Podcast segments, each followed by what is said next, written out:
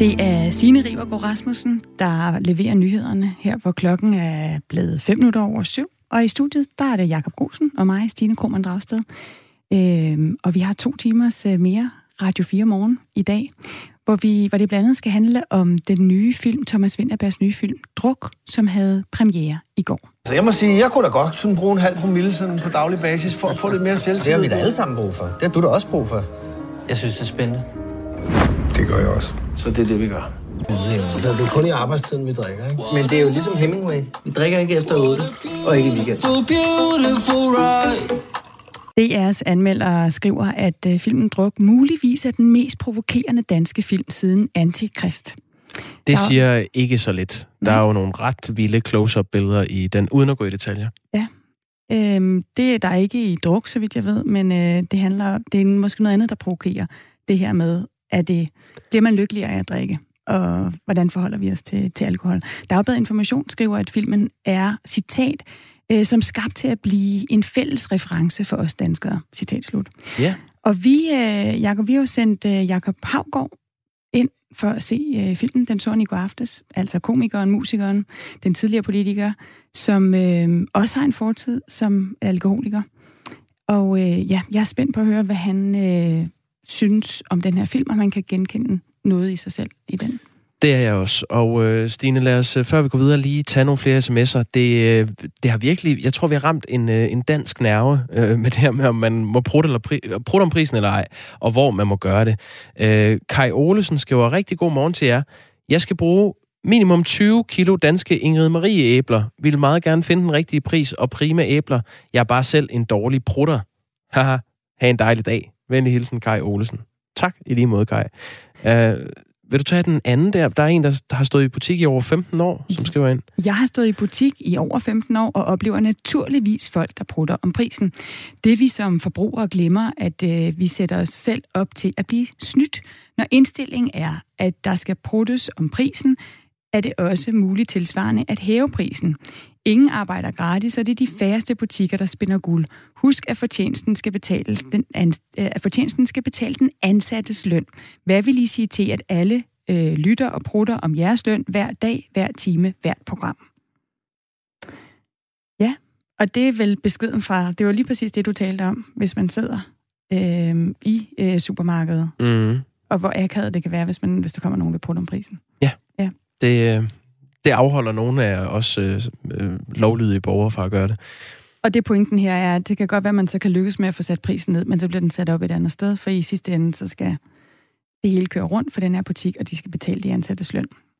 Tak for alle sms'er. Nummeret er øh, som sædvanligt 1424, og begynd beskeden med R4. Nu er klokken 8 minutter over syv, og det er Radio 4 morgen med Stine Krohmann Dragsted og Jakob Grosen. Du mister dine børn, hvis du bliver gift med en ny mand, og hvis du krænker din egen eller familiens ære, så kan du også miste forældremyndigheden. Det er indholdet af en øh, islamisk skilsmissekontrakt, som imamen Abu Bashar fra Odense har fået en kvinde til at underskrive for at blive skilt fra sin mand. Det kan Berlingske fortælle. Godmorgen Jesper Petersen. Godmorgen.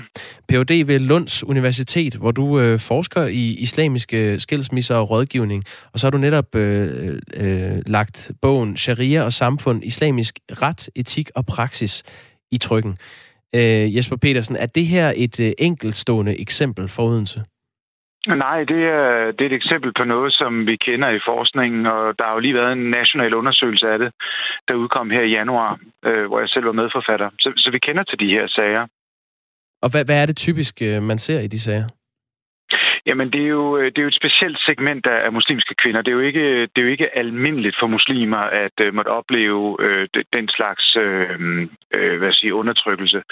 Det er uh, ressourcesvage kvinder, som har, ikke kan komme ud af deres islamiske ægteskab, fordi at deres uh, ægtemand ikke vil give slip på dem, og øh, så, så starter sådan en proces, hvor, hun prøver, hvor kvinden måske prøver at overtale ham, måske prøver at få sin egen families opbakning, og, og hvis ikke hun kan få det, så står hun både som ressourcesvag kvinde, men også i de relationer til både egen familie og ægtemanden, så står hun meget svagt. Og når, når, når hun når dertil, og har været mange andre skridt igennem, så er det sidste skridt typisk at appellere til en øh, islamisk autoritet.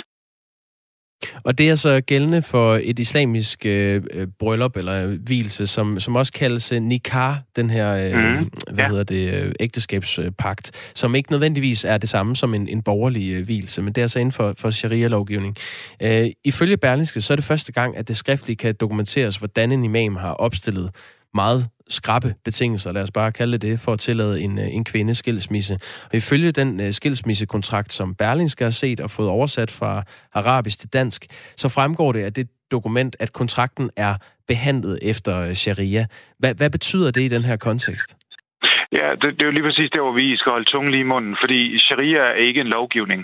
Øh, det, vi forveksler ofte i Danmark øh, sharia med islamisk lov, som er noget helt andet. Sharia er, øh, er sige, et begreb, der er til forhandling, så sharia inden for ressourcestærke kvinder øh, vil være en helt anden, og de vil måske påstå, at de har ret til skilsmisse osv.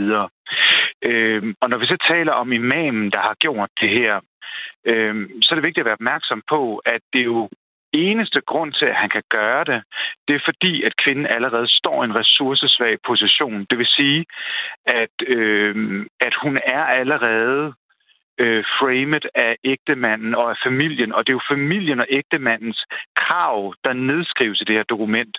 Og, og på den måde så er øh, Abu Bashar øh, en, en facilitator, ikke selve magtudøveren. Det er også derfor, vi ikke taler om sharia-domstole, fordi at lad os nu forestille os, at, at Abu Bashar øh, tog kvindens parti, så vil han lige pludselig ikke have nogen magt, fordi at magten ligger i virkeligheden hos familien og hos ægtemanden. Det er meget vigtigt at være opmærksom på.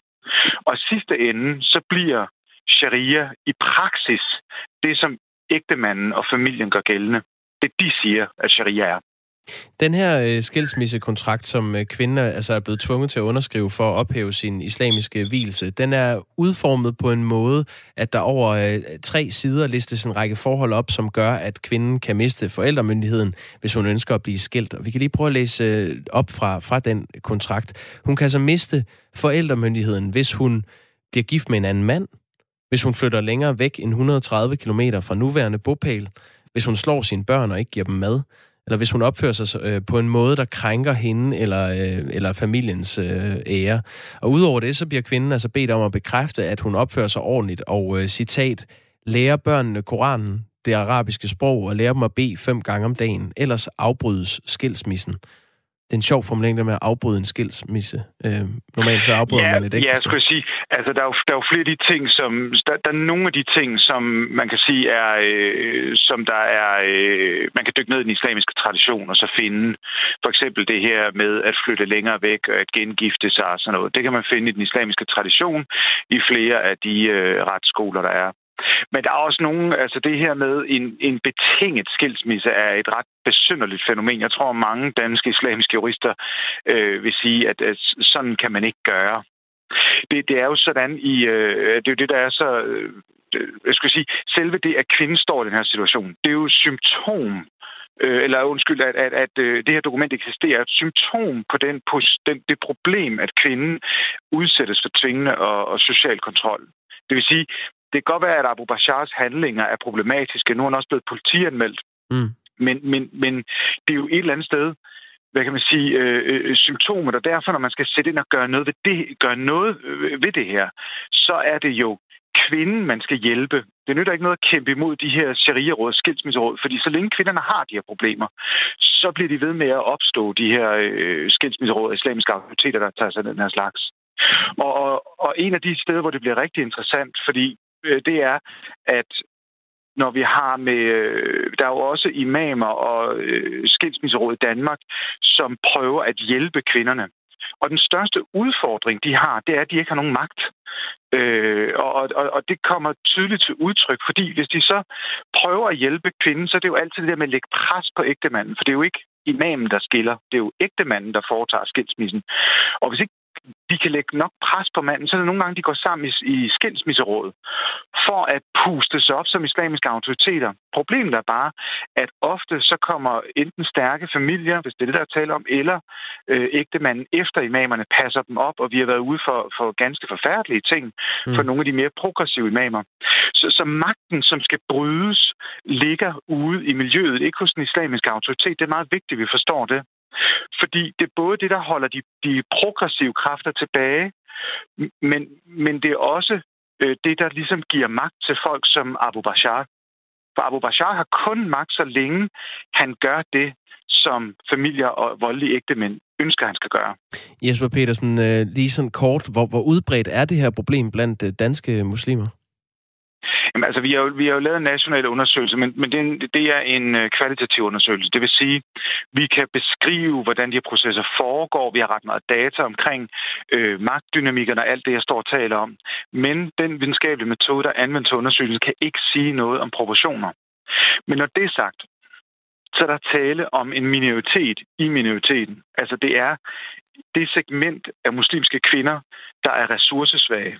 Og hvis vi sammenligner det med øh, hinduistiske kvinder eller katolske kvinder osv., osv., øh, så ser vi de samme mønstre. Altså det er ikke noget specifikt islamisk, øh, men det, det eksisterer også for andre religiøse minoriteter i Danmark.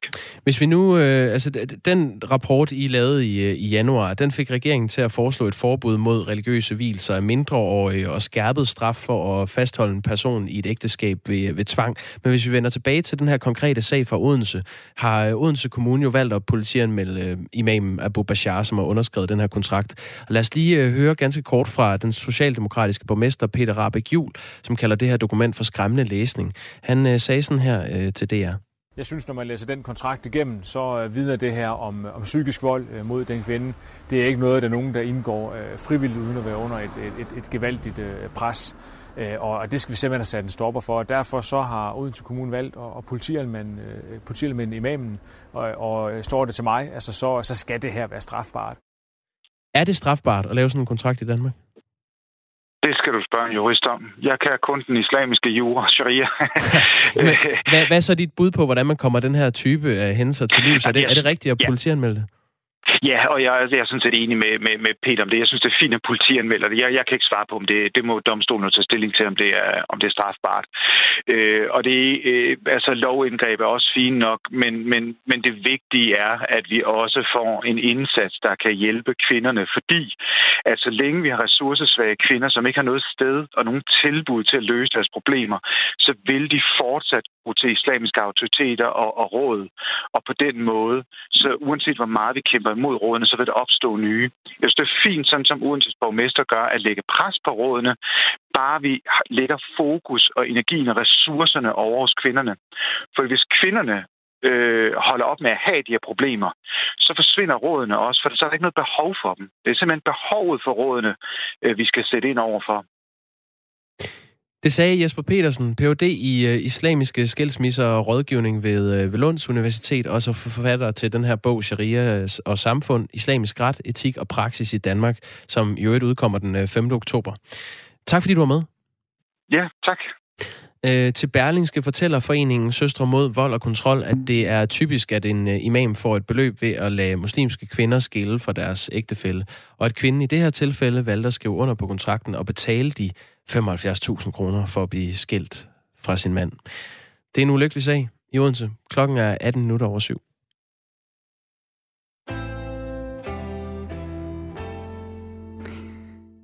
Skal staten poste penge i at sikre hurtig internet i udkanten af Danmark? Det er et spørgsmål, som politikerne nu igen er uenige om. I 2016 der blev de ellers enige om, at øh, svaret var et rungende ja. Så dermed så kunne bredbåndspuljen se dagens lys. Det er cirka 100 millioner kroner årligt til at sikre hurtigere internet i områder, hvor der er dårlig internetdækning. Men nu vil regeringen afskaffe bredbåndspuljen, og det har ført til, til hård kritik fra flere partier, blandt andet Venstre. Og derfor så kan jeg sige godmorgen til dig, Christoffer Melson. Skal lige se, om vi har Christoffer med på telefonen. Kan du høre mig, Christoffer? Kan du høre mig? Det kan vi nu. Du er teleordfører for Venstre, og du havde i går eftermiddag hed klima-, energi- og forsyningsminister Dan Jørgensen i samråd om beslutningen om at afskaffe bredbåndspuljen. Hvorfor skal skatteborgere blive ved med at betale for, at uh, der kommer hurtigt internet i tyndt befolkede områder? Øhm, det synes vi, at øh, vi skal, skal bidrage til, fordi at det efterhånden er, er rigtig svært at fungere i det her samfund, hvis man ikke har en ordentlig internetforbindelse. Vi gør også selv øh, meget for, at det er sådan, fordi at vi, vi står for en ambitiøs øh, offentlig digitalisering. Vi er en af de øh, lande i verden, der har den mest digitale offentlige sektor. Så det er også efterhånden rigtig svært at fungere i, i samarbejde med den offentlige sektor, hvis man ikke har en ordentlig internetforbindelse. Og det er medvirkende til, at vi synes, vi har et ansvar for, at de sidste også kommer med, fordi øh, ministerens egen evaluering viser, at der faktisk er en hel del borgere, hvor markedet øh, i de næste mange år ikke kan, kan sørge for det her. Der føler vi, at vi har ansvar for, for at hjælpe til der. Ja, lad os lige kigge lidt på det der med, hvad markedet egentlig selv kan. Fordi øh, bredbåndspuljen, den har altså betydet, at der har været op til 100 millioner øh, øh, om året til at bruge på at hjælpe øh, danskere med at få hurtigere internet i tyndt befolkede områder. Altså der, hvor tilselskaberne ikke selv har haft tilstrækkelig kommersiel interesse øh, til at rykke ud. Og målsætningen var jo, at alle danskere skulle have adgang til hurtig internet. Når vi tæller hurtig internet, så er det altså 100 megabyte forbindelser i år, altså i 2020. Og det mål, det er ikke nået. I dag er der stadig cirka 6 procent af danske boliger og virksomheder, som ikke har adgang til hurtig internet. Det svarer til lidt over 120.000 danske husstande. Men øh, Christoffer Milson, lad os lige prøve at få nogle nye tal på bordet, fordi øh, her på Radio 4, der har vi fået indsigt i øh, Energistyrelsens øh, fremskrivning om, hvordan det vil gå med udbredningen af det hurtige internet. Og den viser, at om fem år, så vil markedet selv sørge for, at op til 98-99 procent af alle danske boliger og virksomheder har hurtig internetforbindelse. Altså i stedet for 6%, som er problemet lige nu, så er vi nede på ja, kun 1-2%, der mangler. Så ifølge den her fremskrivning for Energistyrelsen, så var der altså kun være cirka 30.000, måske lidt færre, der har langsomt internet om, om fem år. Og det er altså uden offentlige investeringer, altså uden de her 100 millioner til bredbåndspuljen. I vil jo hæve bredbåndspuljen. I vil have den op på 150 millioner. Øh, hvorfor vi I bruge så mange penge på noget, som det ser ud som om markedet selv kan ordne? Jamen det vil vi, fordi at det har øh, rigtig, rigtig store konsekvenser ikke at være med. Øh, og jeg vil faktisk sige det på den måde, at jo færre, der øh, har problemet, desto værre bliver problemet for dem, der ikke er med, og jo sværere bliver det at sælge dit hus. Øh, vi har også en coronasituation lige nu, øh, der gør, at det er helt centralt, at man for eksempel har mulighed for at arbejde hjemmefra i de perioder, hvor landet det er lukket ned. Øh, og derfor synes vi, at det er et område, vi bliver nødt til at prioritere øh, og sørge for, for alle med. Altså det er efterhånden i vores øjne næsten lige så vigtigt som at have el og vand og varme, at du også har mulighed for at komme på, på et ordentligt internet. Øh, så er der også den, det i det, at vi har et fælles teleforlig, øh, som Socialdemokratiet også har skrevet under på for så sent som 2018, hvor vi var enige om, at vi havde en ambition om, at alle skulle have en ordentlig forbindelse i 2020. Øh, det er ikke kun ministerens øh, beslutning, vi ikke har nået den, øh, men der er et teleforlig, der forpligter ham til så at tage dialogen med os andre partier, hvis han vil udskyde den målsætning. Og derfor er det lidt chokerende, at han, uden at vi får noget at vide, lige pludselig har skudt målsætningen til tidligst 2020. Og så er det jo så kun op mod 99 procent, han regner med, der er med i, i 2025. Øhm, så han har jo skudt målsætningen, uden at han har inddraget Folketinget og forligskredsen i det her. Men, men Christoffer Milson, ja, men nu siger du kun 99 procent. Altså om fem år, der viser den her nye fremskrivning for Energistyrelsen, at næsten alle danske boliger og virksomheder har hurtig internetforbindelse, uden at man øh, bruger offentlige investeringer. Du siger, at du vil bruge øh, 150 millioner på, at 30.000 danskere, det vil være dem, der mangler, at, øh, at de får hurtigere internet. Hvorfor vil du det? Det vil jeg, fordi at det er, at det er rigtig, rigtig problematisk øh, i, det, i det samfund, vi har efterhånden, og ikke at være på internet. Eller de er selvfølgelig på internet i et eller andet omfang man ikke har en ordentlig internetforbindelse. Øhm, og det er jo selvfølgelig et politisk spørgsmål, om, øh, om man synes, det, det er mange penge at bruge for at sørge for at få et land i balance. Øhm, der bliver brugt offentlige penge på rigtig, rigtig mange ting. Øhm, vi øh, har et princip om, at vi også øh, laver elvand og varme og veje til områder, der er, mindre tynd, eller der er mere tyndt befolket.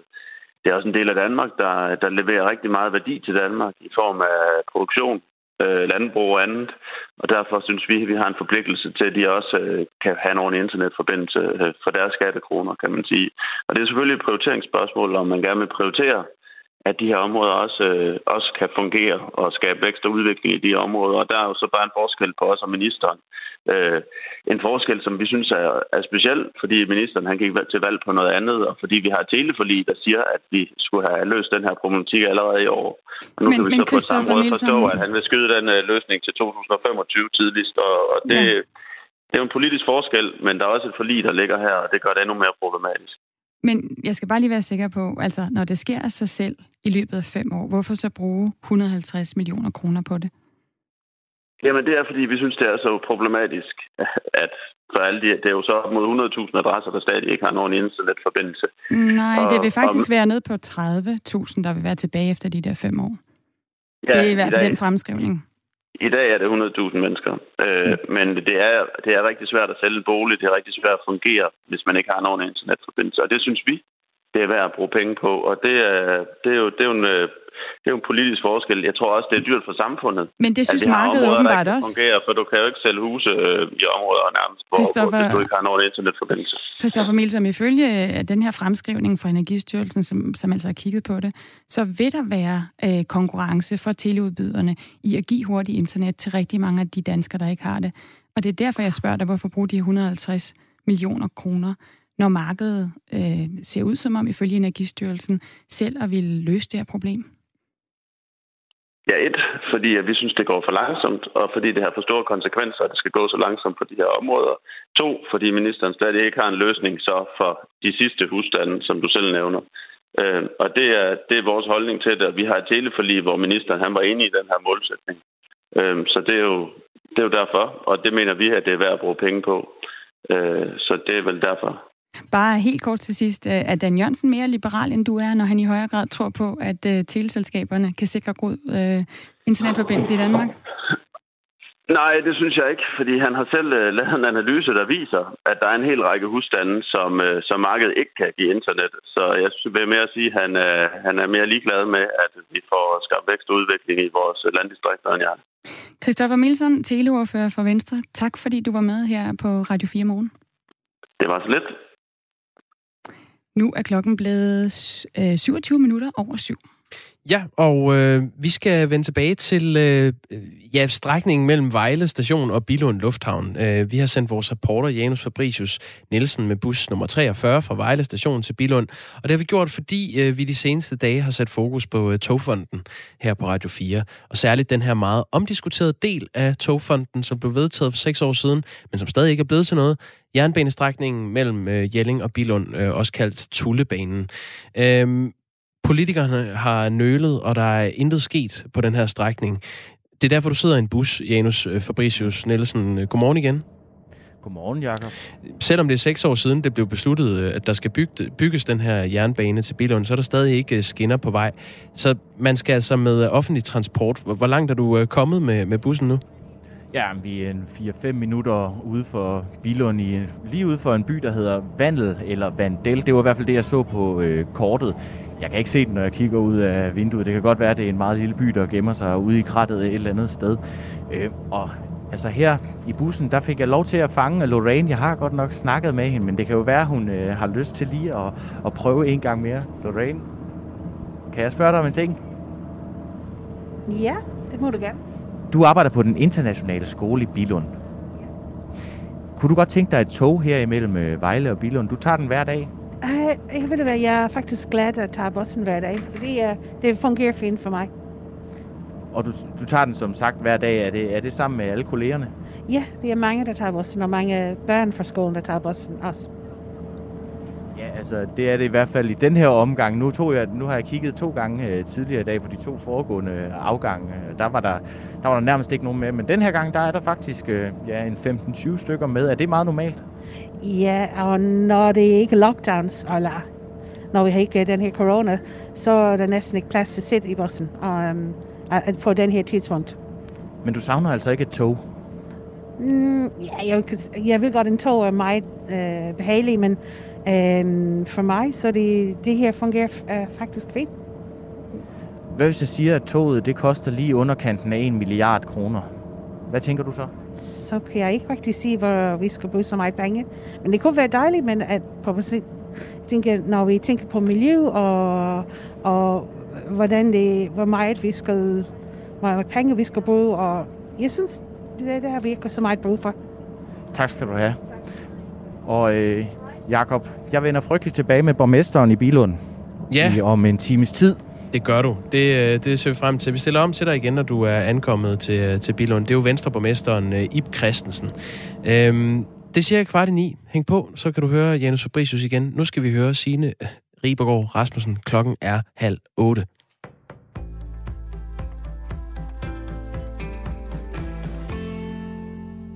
Regeringen vil fjerne muligheden for, at private aktører kan tjene penge på sociale tilbud, som blandt andet bo- og opholdssteder til udsatte børn, unge og voksne. Det er grundtanken i et nyt udspil, der skal ændre reglerne på området. Det fortæller Social- og Indrigsminister Astrid Krav til Ekstrabladet. En del af den type sociale tilbud bliver i dag drevet af private aktie- eller anpartsselskaber, og det giver mulighed for, at ejerne de kan trække overskud ud af selskaberne. Det her handler om at få sat en stopper for, at udsatte borgere er sociale hæveautomater for private firmaer, der trækker velfærdskroner ud, siger Astrid Krav. Regeringen vil gerne have de private selskaber omdannet til selvejende institutioner. Det betyder, at man ikke kan trække overskud og profit ud til ejerne. De penge skal i stedet bruges på kvalitet for borgerne eller sætte en lavere takt for kommunerne, siger Astrid Krav. Ifølge mediet så vil de nye regler, hvis de altså bliver gennemført, ramme omkring 260 eksisterende tilbud. Hver tredje over 30 år, der har mistet sit arbejde under coronakrisen, mistede også sit arbejde under finanskrisen. Det viser en omfattende analyse fra Arbejderbevægelsens Erhvervsråd, det skriver Jyllandsposten. Det er især ufaglærte, der er hårdt ramt. Det fortæller Emilie Agner Dam, der er senioranalytiker ved Arbejderbevægelsens Erhvervsråd. Ufaglærte er en gruppe, som typisk har en lidt løsere arbejdsmarkedstilknytning, og det gør også, at det er nogle af de første, der ryger, når krisen den rammer. Samtidig så er det også nogle af de sidste, der kommer tilbage på arbejdsmarkedet igen, når vi begynder at se, at det går fremad. Så derfor så kan man sige, at nogle af dem blev ramt under finanskrisen, og så er de måske først kommet tilbage igen for, for et par år siden, og så bliver de altså allerede ramt igen nu, fordi de ikke har noget at sådan få helt fat i, øh, i arbejdsmarkedet. Arbejderbevægelsens Erhvervsråd har fulgt de 1,3 millioner danskere, som både var i beskæftigelse umiddelbart før finanskrisen i 2008 og før coronakrisen i foråret. Analysen viser, at af de danskere, som har folkeskolen som højeste afsluttede uddannelse, og som mistede deres arbejde under finanskrisen, der er omkring 7 procent igen arbejdsløse nu. Til sammenligning så er 3,5 procent af de højtuddannede, der blev ledige efter finanskrisen, nu ledige igen. Ifølge Emilie Agner Dam, så kan det mærkes længe efter, når man mister sit arbejde under en krise. Hvis man bliver fyret hver gang, der kommer en økonomisk krise, jamen, så- ender man altså med at, at komme bagud på arbejdsmarkedet, både når det gælder indkomst hen over livet, men også når det gælder, hvor mange år man har været i beskæftigelse. Arbejderbevægelsens Erhvervsråds analyse viser, at risikoen for at blive ramt af ledighed under coronakrisen stiger i forhold til, hvor længe man var ledig under finanskrisen. Næsten hver tiende skoleelev dumper dansk og matematik i folkeskolens afgangsprøve. Det viser en analyse fra Dansk Industri, skriver politikken. Og hvis skoleelever ikke kan bestå de to fag, så vinker de farvel til en ungdomsuddannelse. Det er en realitet for 5.000 unge mennesker hvert år. Hvis vi efterlader 5.000 mennesker hvert år på perronen, fordi de ikke er i stand til at bestå dansk og matematik til folkeskolens afgangseksamen, har vi altså et problem, siger Mette Fjord, der er underdirektør i Dansk Industri. Analysen viser også, at der er store kommunale forskel på tallene. I Langeland er det 21 procent af eleverne, der ikke består de to fag, og kun 2 procent i Hørsholm. I dag får vi regn eller byer sydfra, temperatur mellem 13 og 17 grader og let til frisk vind omkring øst.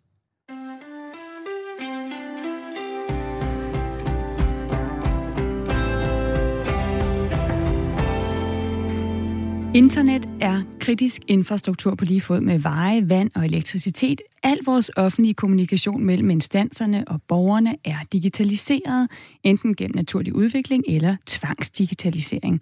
Selv hvis der kun stod 500 boliger uden tilstrækkelig internetkapacitet, så bør det være en prioritering på lige fod med de, den øvrige infrastruktur. Det har Dan skrevet ind til os. her på Radio 4 morgen.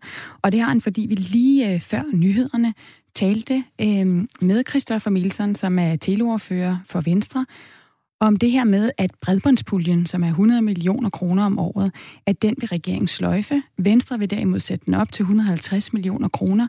Og så er debatten nu, fordi nye fremskrivninger fra Energistyrelsen viser, at markedet måske kan klare meget af det her selv. Altså, der er rigtig mange danskere, der automatisk vil få hurtigt internet. Hvor mange penge skal vi så bruge på at få de sidste med? Det er det indspark, Dan har her. Det er vigtigt også, selvom der er bare 500 tilbage. Tak for indsparket, Dan. Øhm, Mik har skrevet på en anden historie, som vi beskæftigede os med for en halv time siden. Det var historien om en øh, kvinde fra Odense, som er blevet øh, tvunget til at skrive under på en islamisk skilsmissekontrakt, som øh, imamen Abu Bashar fra, øh, fra Odense har fået hende til at underskrive, øh, som blandt andet går ud på, at hun mister sine børn, hvis hun bliver gift med en ny mand, og hvis hun krænker sin eller sin families ære, så kan hun miste forældremyndigheden, og i øvrigt øh, betale 75.000 øh, kroner til manden, hvis hun øh, øh, ja, bryder den her kontrakt, og, og det er så øh, herunder den brudgave, som hun modtog. Det, de blev gift. Vi talte med Jesper Petersen, som er Ph.D. ved Lunds Universitet og forsker i islamiske øh, skilsmisser og rådgivning. Han sagde, at det er langt fra et enkeltstående øh, fænomen. Og det har Mik kommenteret på på sms'en. Imanvældet er øh, klart en øh, fastholdelse af det patriarkalske system, som mange, mange muslimske mænd gerne vil fastholde. I Danmark er det patriarkalske samfunds øh, begyndende afskaffelse kun 50 år gammel. De muslimske patriarker må mødes med kraftig modstand. Ja, der er også en anden lytter, der skriver ind på den historie. Må ikke, at der også findes katolske kvinder i Danmark, som ligger under for en katolsk domstol. Problematikken er vel ens, hvad enten det er et muslimsk parallelsamfund eller et katolsk. Og det fik vi jo faktisk svar på. Ja, at, det, det svarede han på, Jesper ja, Petersen. At, øh, at det er rigtigt. Det gælder faktisk øh, en minoritet af alle minoritetskvinder, hvis man kan kalde det. Det er både øh, hinduister og katolske kvinder, der er ressourcesvage, har lignende problemer. Og så er der en anden historie, som øh, drøber ud over den her morgen. Vi ja. Øh, taler om det der med at prutte om prisen, øh, som man bør gøre noget mere, fordi det viser sig faktisk i 72 procent af tilfældene at give på det. Og øh, for vores lytter Silas, der er øh, hver dag Black Friday. Hvad skriver han? Jamen, han skriver, at jeg prutter på alt øh, uden for dagligvarer, tandlægeregning 2.500 blev til 2.000, telefonen fra 7.000 til 5.500, lydanlæg til hjemmebiografen fra 5.000 til 3.000, plus 50 meter ledninger. Der er penge at spare. Det er altså Silas, der skriver ind, og jeg tænker, Silas, det kan være, du skal få dig et nyt job, hvis du ikke allerede er, er godt betalt, fordi det kan jo faktisk godt være, at der er nogle danskere, der vil ansætte dig til at prutte om prisen for dem. Det er... sådan, nogle, øh, sådan nogle findes der i USA folk, der er ansatte til at hjælpe, ja. altså konsulenter, mm. konsulent. Mm. Det kunne godt være, at man kunne starte det i Danmark. Det er en skør, skør verden. Men øh, ja... Jakob, du kunne måske godt bruge lidt hjælp, siger du. Ja, jo, ja. ja. Jamen, jeg tror egentlig, måske skal jeg bare... Det handler jo egentlig bare om at gøre det. Altså at komme over, hvor, øh, hvor tokrummende pinligt det kan Hvis være. Hvis du kan spare øh, 2.000 kroner på et lydanlæg, øh, så kan du hurtigt regne ud, hvor meget det kan betale dig at betale uh, Silas i timen, for at uh, han hjælper dig med at prøve prisen. Det kan hurtigt I er velkomne op. til at skrive ind på sms'en 1424. Start jeres besked med, med R4. Nu er klokken blevet 22 minutter i 8. Så jeg må sige, jeg kunne da godt sådan bruge en halv promille sådan på daglig basis for at få lidt mere selvtillid. Det har vi da alle sammen brug for. Det har du da også brug for. Jeg synes, det er spændende. Det gør jeg også. Så det er det, vi gør. Det er kun i arbejdstiden, vi drikker, ikke? Men det er jo ligesom Hemingway. Vi drikker ikke efter 8, og ikke i weekenden. Ja, i går havde Thomas Winterbergs nye film Druk premiere i Danmark, og allerede nu der har den skabt debat om alkohol og dansk drukkultur. Filmen følger fire venner og gymnasielærer, der sætter sig for at afprøve en teori om, at mennesket er født med en halv promille for lidt. Forsøget får en positiv effekt på deres undervisning og privatliv, i hvert fald til at, øh, at starte med. Du har set øh, filmen Druk øh, i går, da den havde premiereaften. Jakob Havgaard, godmorgen. Godmorgen. Du er komiker, musiker, sanger, skuespiller og tidligere politiker. Og Jakob Havgaard, så har du også selv haft et, øh, et alkoholproblem. Du stoppede med at drikke i 1992. Hvad synes du om filmen? Jeg synes, det var, øh, det var utrolig velspillet, og det var, det var fascinerende film, og så samtidig så selve emnet der, det Altså, jeg, jeg, jeg sidder jeg er normalt svær at få til at sidde stille. Jeg sad fuldstændig stille, så længe den var. Hvad var det, hvad var det der var så, så fascinerende, at den fik dig til at sidde stille? Jamen, det var hele indfaldsvinklen, i stedet for, at det ligesom er forfærdeligt alkohol, ikke? Og så var det, så var det øh, det der med, at den her halve promille, de så skulle prøve at, og den ene er historie, gymnasielærer historie, den anden er psykolog og øh, sport og øh, musiklærer, ikke? Og så og specielt det der, ham, Mads Mikkelsen, han spiller sådan enormt usikker og sådan noget, vil fuldstændig miste gnisten, og hvad fanden er livet ved, og sådan noget. Og da han bare fik den der halve promille, så kørte det, og det kan jeg fuldstændig genkende fra jer er 5 der 15, 14, 15, 16 år. Nej, men det gik med kvinder, og det gik med det hele, og wow, livet var lige pludselig ved at leve og sådan noget. Og det er jo ingenting, en halv promille, det må man ovenikøbet køre på. Altså, jeg mener, det er 0,5, at grænsen er for at køre. Er det ikke det? Spirituskørsel. Jo. Ja.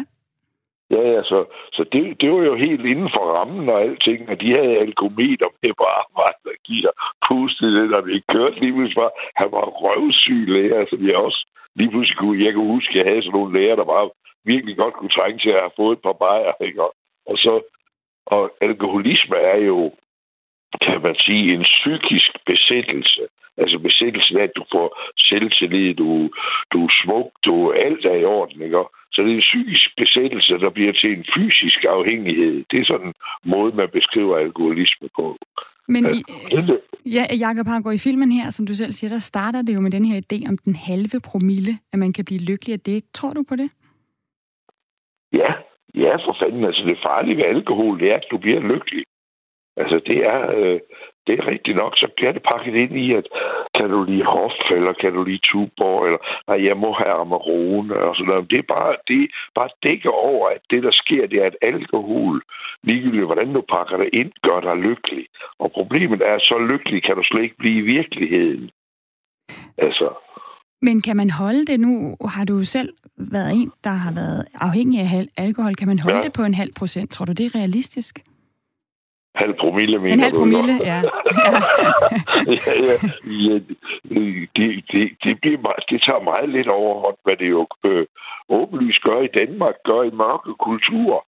Hvis du nu siger, at altså, alkohol er et, et rigtigt problem i mørke kultur, det er så lige snart du når over Køln ikke? i Tyskland, så bliver det mørkt om den her tid fra nu af så til mig.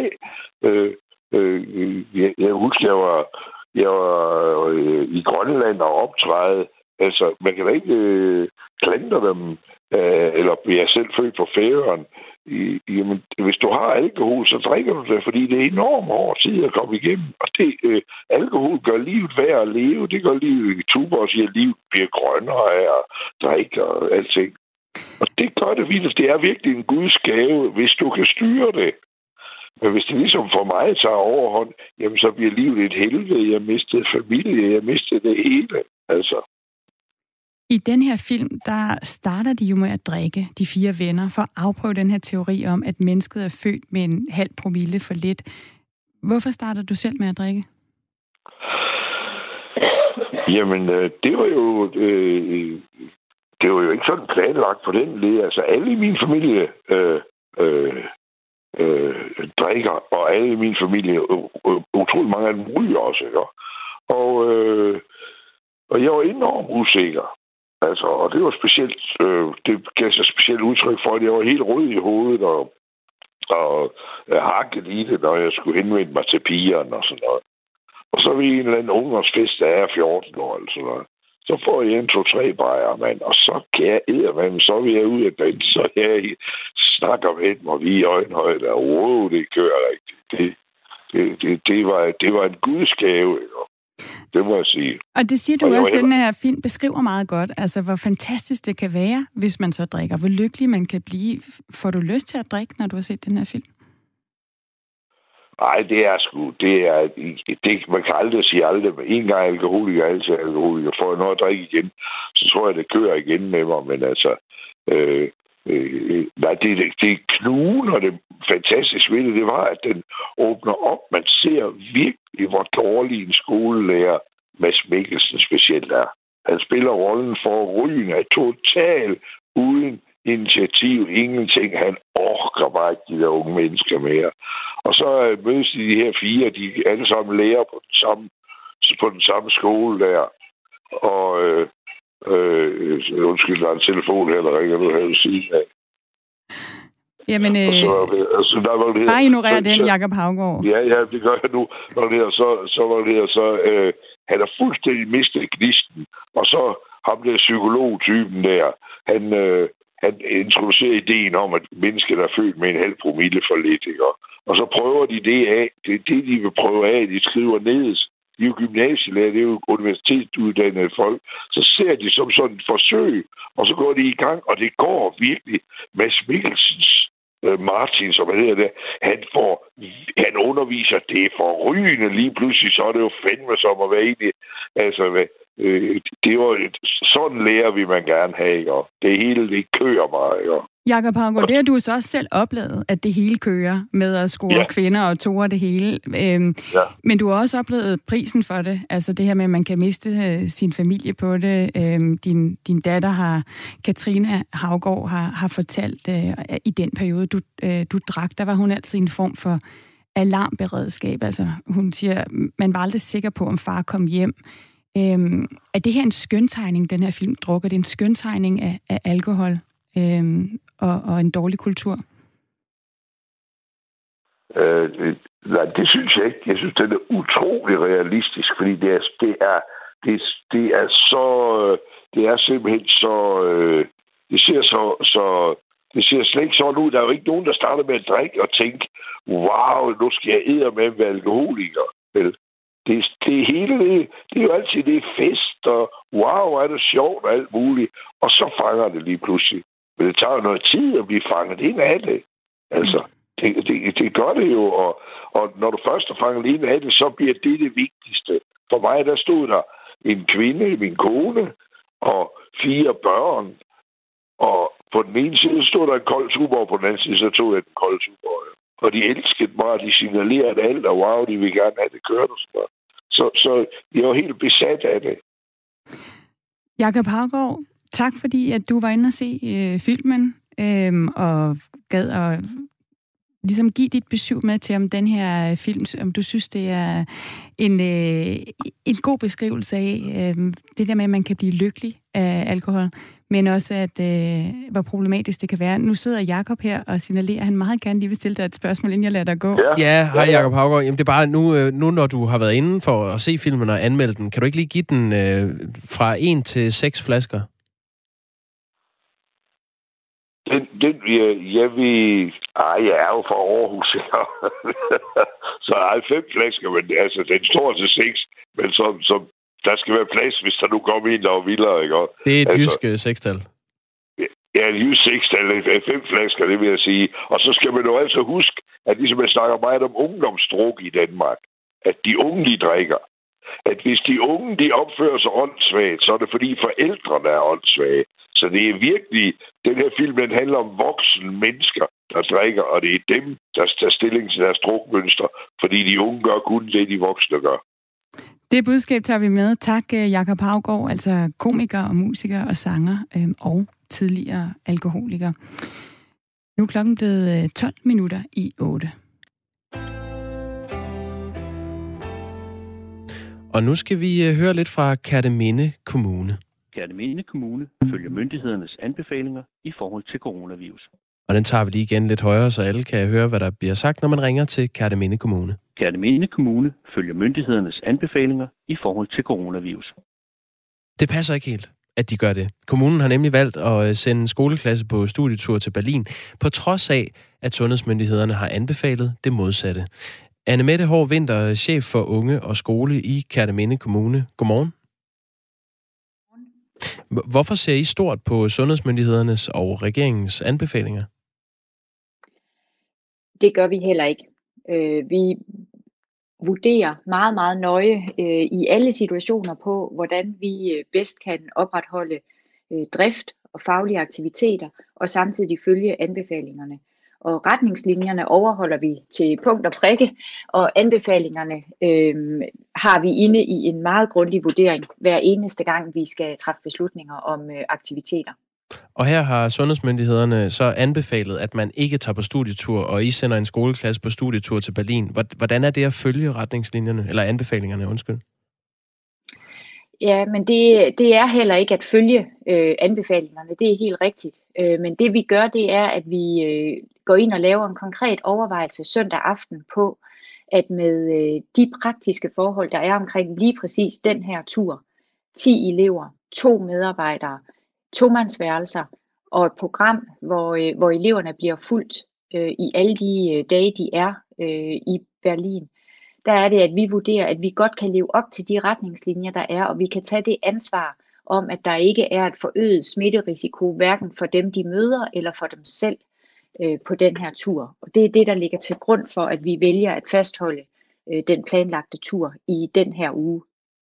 Den her anbefaling fra øh, øh, Sundhedsstyrelsen, den lyder sådan her. Anbefalingen indebærer også aflysning af lejerskoler eller studieture, som er planlagt som led i undervisningen, da det især i disse sammenhænge er vanskeligt at efterleve og opretholde anbefalinger om hygiejne og afstand.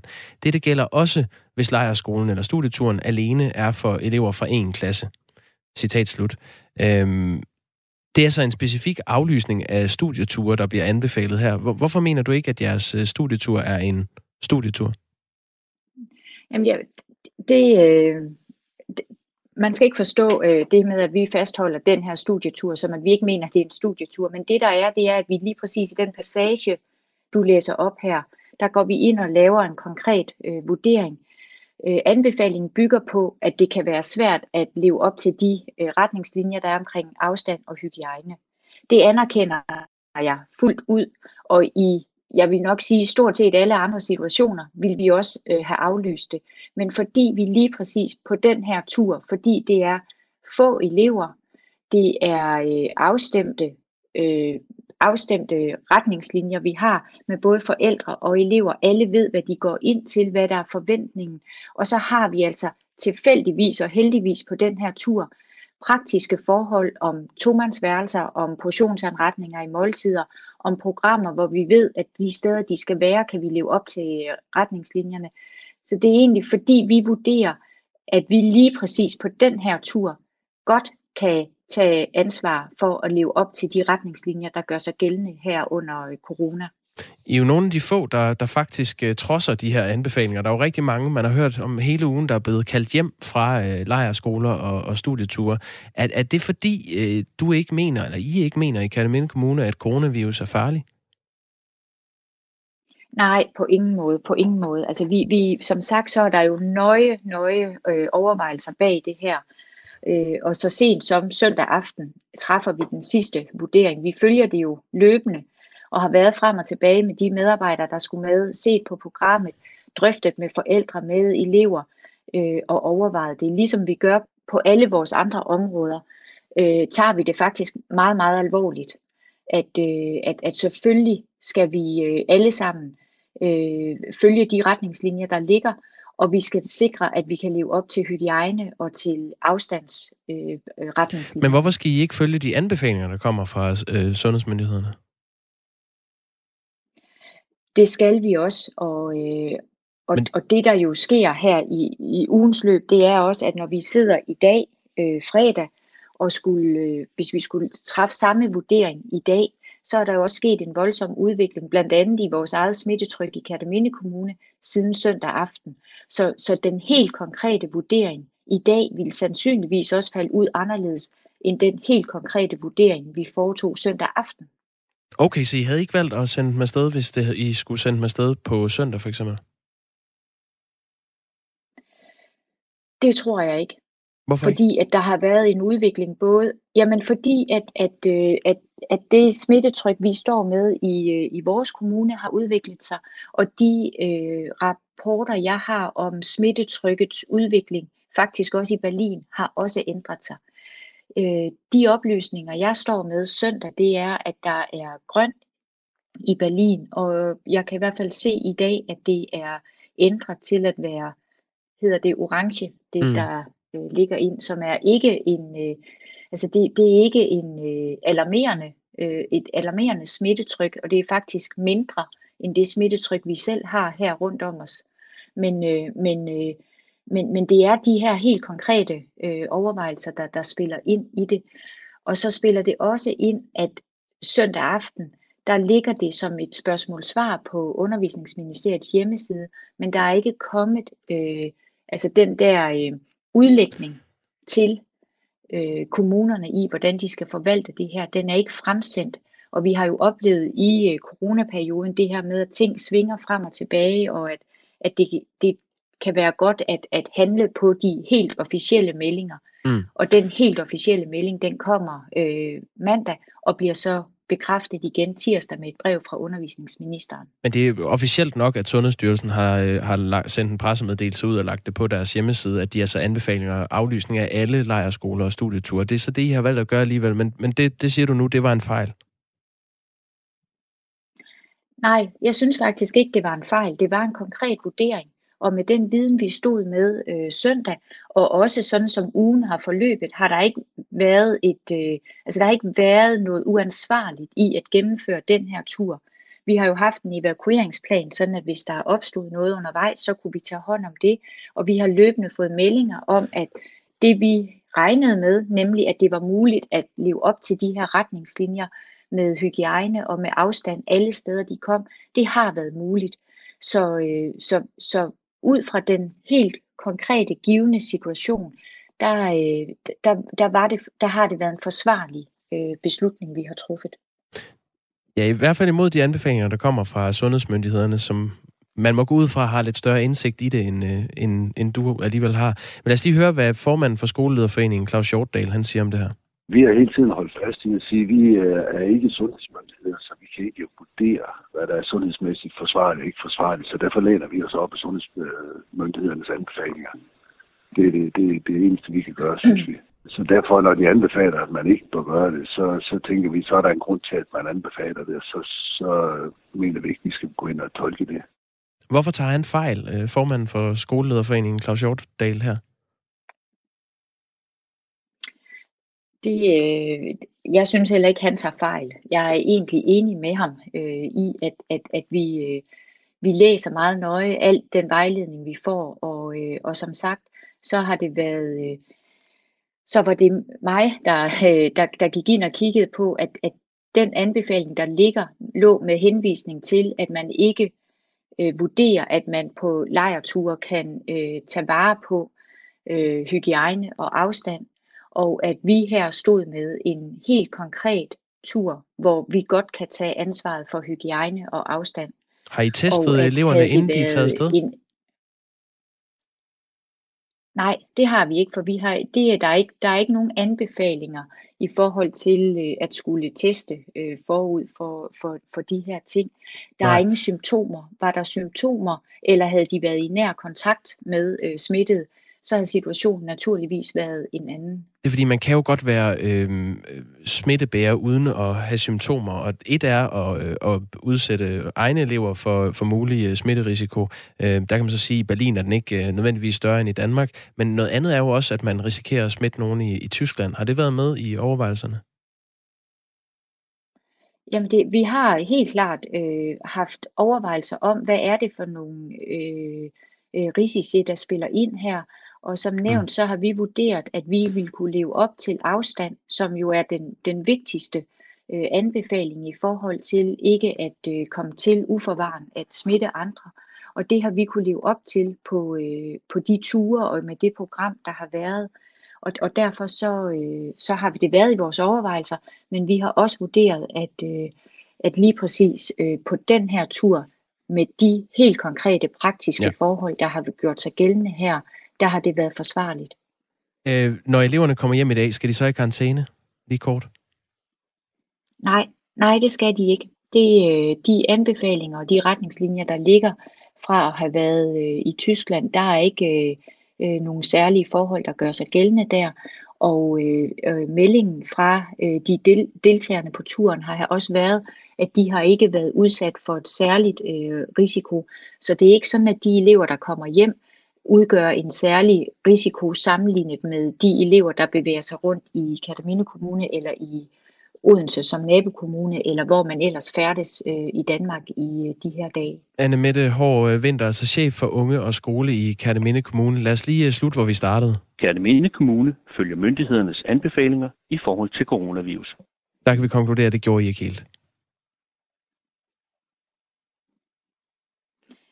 Vi har taget, vi mener bestemt, vi kunne leve op til de retningslinjer, der ligger omkring afstand og hygiejne. Mm. Anne Mette Hård Vinter, chef for unge og skole i Kærneminde Kommune. Tak fordi du var med. Nu Selv klokken, tak. Nu klokken 8.